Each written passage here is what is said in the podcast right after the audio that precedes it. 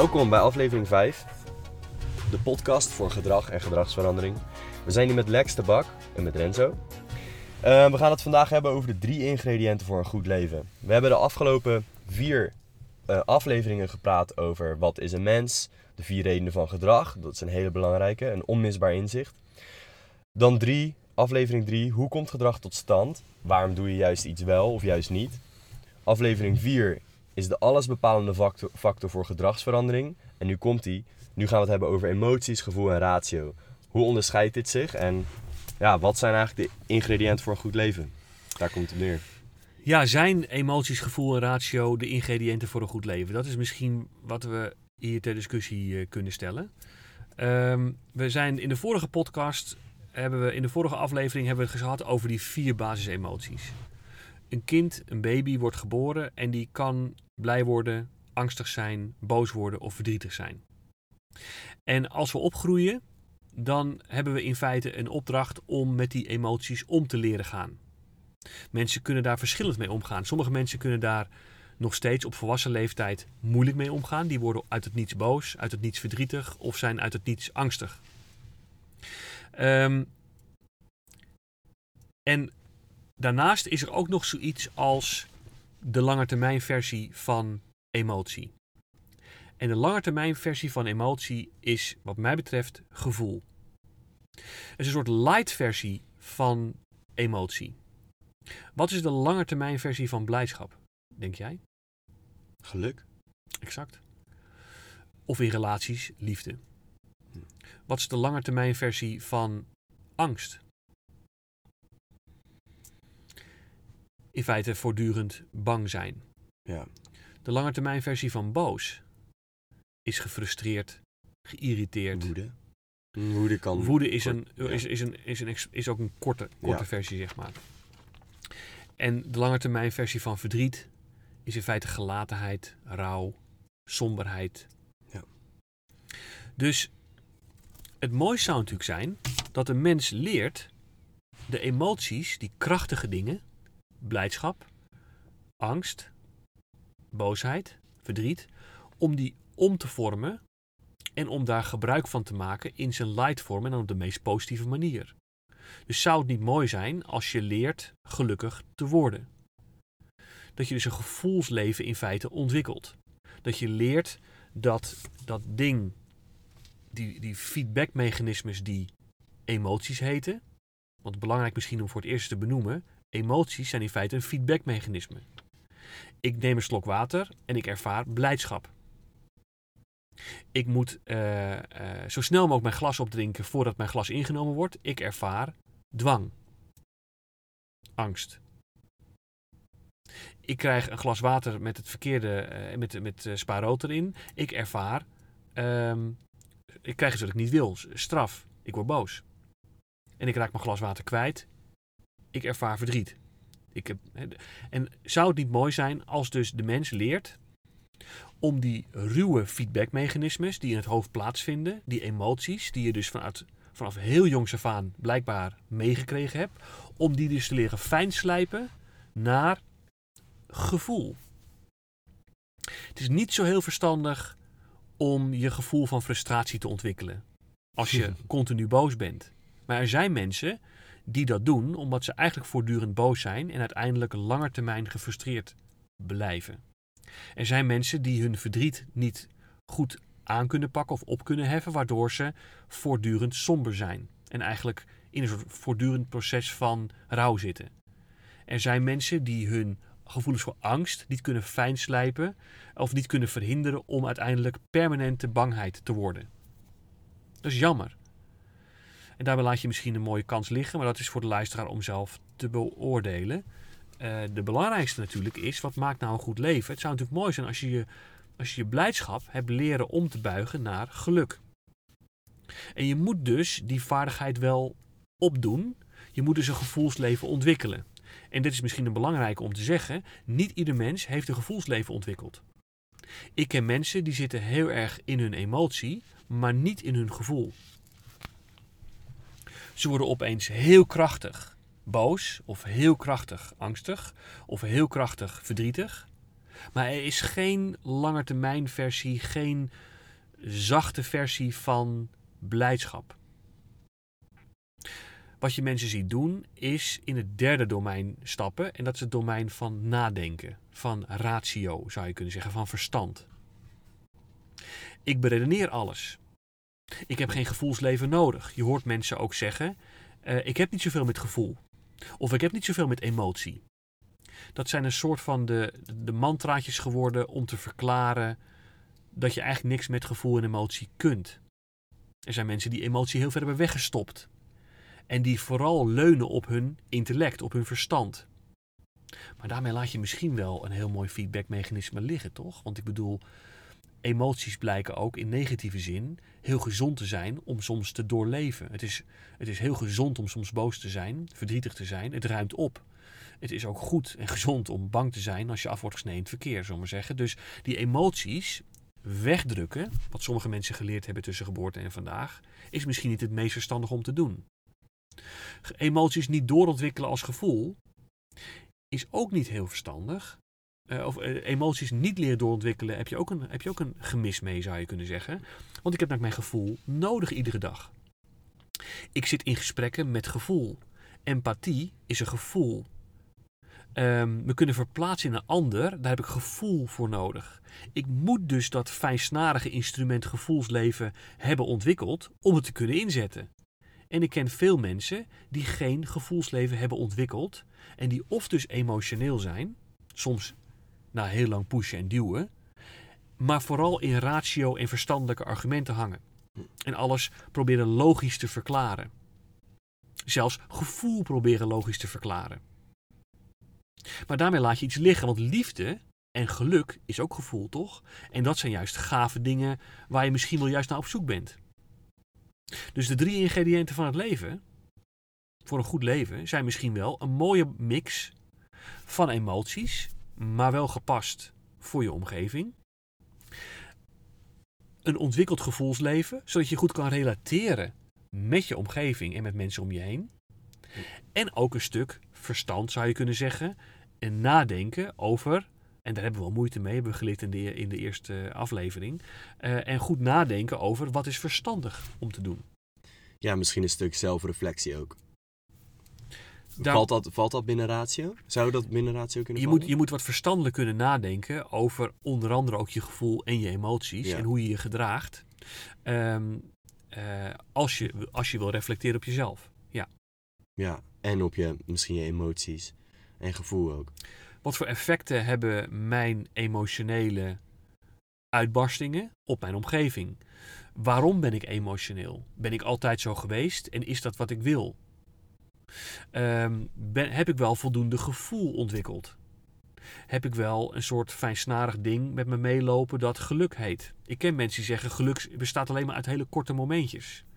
Dat zijn een soort momentjes van een soort van euforie of zo. Uh, dat, is, dat is geen geluk. Geluk is iets waarin dus je gevoel, ook bij slechte momenten, er altijd is dat er vertrouwen is en dat je terug kunt vallen op wie je bent, waar je voor staat. En dat er een soort van, ja, dat je, dat je een soort van positieve bekrachtiger hebt rondlopen en meelopen met je die zegt van, ja, vertrouwen, ik ben tevreden en het loopt. Ja, want dat is misschien wel het uitgangspunt waar we allemaal naartoe willen. Dat is, de, dat is een heel belangrijke vraag. Is dat zo? Het geluk is misschien ook wel, zoals een goede vriend van mij zei, misschien wel voor een aantal mensen een luxe die ze zich niet kunnen veroorloven. Ja. En misschien iets wat ze nooit hebben meegemaakt. Dus niet weten waar we het over hebben gehad in ook aflevering 1 weer. Ik heb het nooit meegemaakt, het is er niet, dus ik weet niet hoe het überhaupt zou zijn om gelukkig te zijn. Precies, en dan vervolgens aflevering 2, wat is dan de functie van mijn gedrag? Ik ga het vermijden, het onderwerp. Ik ga zeggen, ik ben geen gevoelsmens. Hè, of ik heb een hekel aan gevoelsmensen. Uh, of ik heb niks met emoties. Ja. Er zijn ook mensen die dus blijkbaar het zwaartepunt leggen bij gevoel. En uh, misschien wel niet zozeer in, het, in de ratio zitten en in het, in het verstand zitten van dingen. En zeggen, ik ben een gevoelsmens. Maar gevoel is subjectief. Want we hebben namelijk in de vorige afleveringen besproken dat waar jij goed bij voelt, niet is waar ik me goed bij voel. Ik kan dus ook niet zeggen dat het hele leven één groot gevoel is. En dat ik altijd kan zeggen dat ik vooral bij mijn gevoel moet blijven. Nee, want gevoel is namelijk een subjectief ding waarmee ik niet kan objectiveren wat er echt aan de hand is. Ik kan dus niet alleen maar emotioneel zijn. Ik kan niet alleen maar gevoelsmatig bezig zijn. Maar ik kan ook niet alleen maar in mijn ratio blijven hangen. Wil ik een goed leven leiden? Dat is mijn stelling. Ja. En wat is ehm, het onderdrukken van emotie? Of het wegstoppen van emotie? Je hoort steeds vaker dat, dat je emoties wegstoppen of je emotie onderdrukken, dat het, dat het iets is wat, wat dysfunctioneel is. Wanneer onderdruk je een emotie? Of, nee, ik zou graag het onderscheid willen, willen zien tussen het onderdrukken van een emotie en het reguleren van een emotie. Ja, ehm, die, die, belangrijk woord wat je erbij haalt. Die regulatie is dus iets wat wel of niet tussen geboorte en vandaag bij mensen is ontstaan. Ik ken mensen die hun emoties ook op hun 20ste, 30ste, 40ste, 50ste, 80ste niet hebben gereguleerd. Dus ze, ze, maken hele bijzondere uitspatting, uh, uitspattingen uh, op de meest onvoorspelbare momenten. Het reguleren van je emotie zorgt er natuurlijk voor, als je jezelf onder controle kunt krijgen, dat je voor je omgeving veel voorspelbaarder wordt. Um, het overreguleren van je emotie, het wegstoppen ervan, het bedelven onder rationele argumenten en, en, en, denken dat emotie iets fouts is of iets ongezonds is of iets wat je niet zou mogen laten zien of iets wat eigenlijk... Er zijn ook mensen die vinden dat emoties überhaupt niet gepast zijn. Waarom zou boos zijn hoort, mag niet. Of verdrietig worden is zwakte. Um, dat zijn mensen die hun emoties overgereguleerd hebben. Ze zijn zo ver op afstand komen te staan dat ik ze ook niet meer kan en niet meer goed kan uittappen als ik het nodig heb. Er overkomt dan iets in de omstandigheden van mensen, iets vervelends. En een emotie hebben, zoals verdriet of boosheid, zal heel logisch zijn. En ook heel goed zijn voor het hoofd, om het op te ruimen en om, ja, om uiting te geven aan je, daar gaat hij, emoties. Maar als je ze te veel weggedrukt hebt, dus als je bent doorgeslagen in je regulering van emoties, dan mis je weer de gezondheid van eens een keer lekker boos worden of uh, uh, verdrietig zijn. En dan zie je dat mensen, in, zeker als bijvoorbeeld rouw, hè, als mensen iets heel zwaars overkomt, dan kunnen ze dat slecht een plek geven, omdat namelijk je daar gewoon simpelweg emoties voor nodig hebt. Ik ken dus mensen die naast ze zijn verloren, maar nooit gerouwd hebben.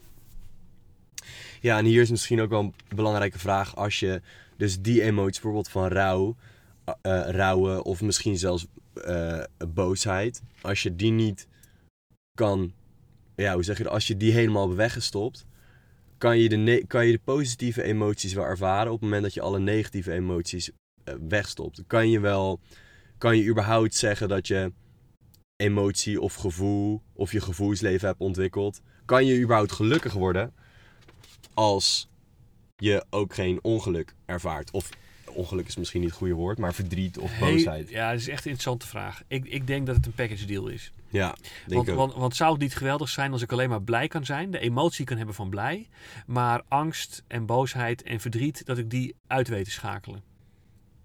Um, terwijl ik net zeg dat het ook wel verstandig is om ze misschien wel soms te voelen.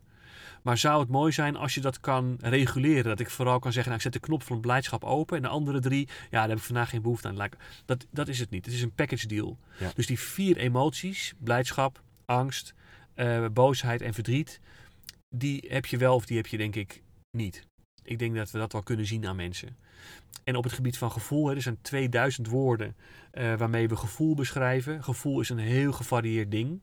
Heel, heel uh, allerlei uitingsvormen en woorden geven we aan gevoelens, zeg maar. Gevoel is, is dus een veel breder ding dan die vier basisemoties. Gevoel is een, is een enorm veld van dingen waar je in kunt investeren en waar je mee kunt oefenen en waar je mee kunt kijken om, ja, om daar het optimale van te benutten. Maar de negatieve gevoelens horen daar natuurlijk bij. Ja. Ook dat is denk ik een package deal. Want hoe de hersenen werken, is dat dat systeem aanstaat of niet aanstaat. Het is geen part-time systeem. Het is niet een, een systeem waarvan je zegt van nou, als ik nou dat deel van de hersenen wel gebruik waar geluk zit en een goed gevoel, dan heb ik echt een amazing leven. Uh, en de andere delen niet. Je ziet trouwens bij mensen met hersenletsel dat daar wel uh, de hersen, die mensen met hersen, die hersenletsel oplopen, dat er wel regulatieproblemen ontstaan en dat dus accenten verschuiven en dat dus mensen bijvoorbeeld overmatig blij zijn, ook als het niet gepast is. Ja, en dan is weer de vraag. Eigenlijk wilde ik deze net al stellen, maar kan je dus verbinden met anderen op het moment dat je geen gepaste gevoelens of emoties heb bij een bepaalde situatie. Dus ik ben ontzettend blij, maar mijn moeder is net overleven. Echt misschien een beetje een heftig, heftig Voorbeeld. eh, voorbeeld, maar het is wel een, een, ik denk een relevant voorbeeld van.